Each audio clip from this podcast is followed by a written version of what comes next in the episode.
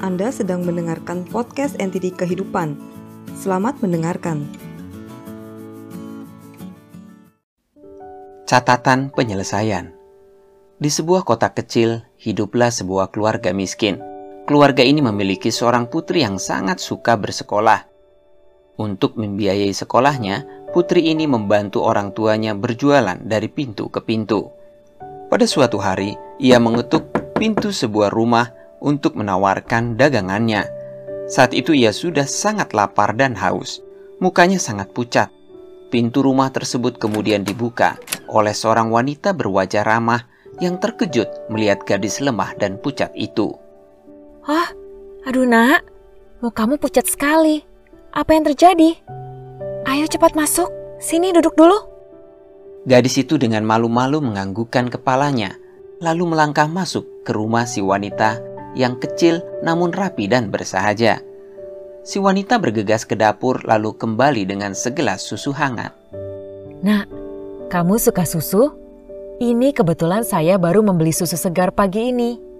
Minumlah selagi hangat agar tubuhmu kembali kuat. Gadis itu pun meminum susu tersebut dengan penuh rasa syukur. Susunya begitu hangat dan lezat, dan ia merasa kehangatan pelan-pelan memenuhi tubuhnya.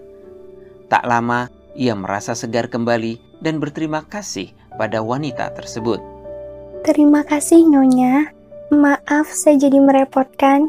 Hmm, berapakah harga susu yang saya minum tadi?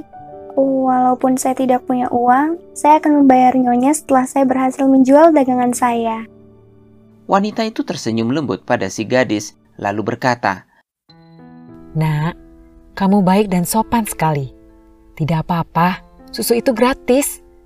Maaf saya tidak bisa membeli daganganmu, karena saya sendiri hidup pas-pasan.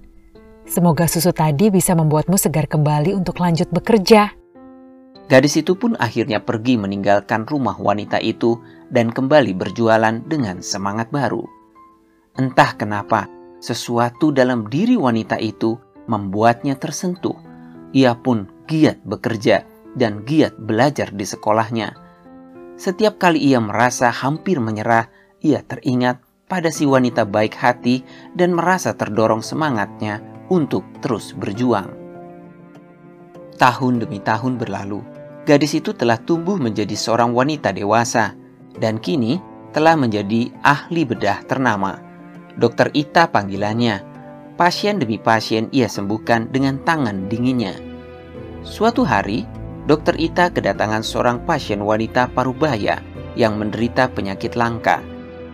Ketika wanita itu mengatakan padanya nama kota kecil di mana ia tinggal, Dokter Ita seketika teringat akan memori masa kecilnya.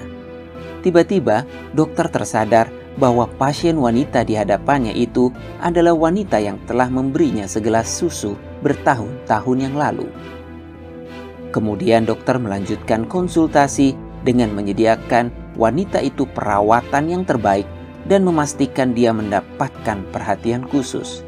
Bahkan ia mengerahkan seluruh kemampuannya sebagai seorang dokter untuk menyelamatkan hidup wanita tersebut. Setiap kali wanita itu berkata cemas ke dokternya. Tapi dok, saya tidak bisa membayar biaya rumah sakitnya. Bagaimana dok?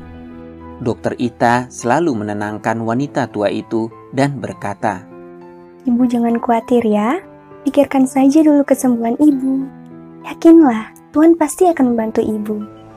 Setelah dirawat begitu lama di rumah sakit, dengan berbagai perawatan, wanita itu akhirnya dinyatakan bebas dari penyakit dan boleh pulang. Dengan wajah cemas, ia menanyakan tagihan rumah sakitnya seorang suster pun menyerahkan sebuah amplop yang berisi tagihan di dalamnya. Namun, ketika ia membuka surat tersebut dengan tangan gemetar, ia menemukan bahwa surat itu telah tertera tulisan lunas dan sebuah tulisan tangan dokter Ita di sampingnya. Sudah dibayar lunas dengan segelas susu. Teruslah berbuat kebaikan di dalam hidup Anda, berbelas kasih dan bantulah orang lain walaupun hanya berupa bantuan kecil.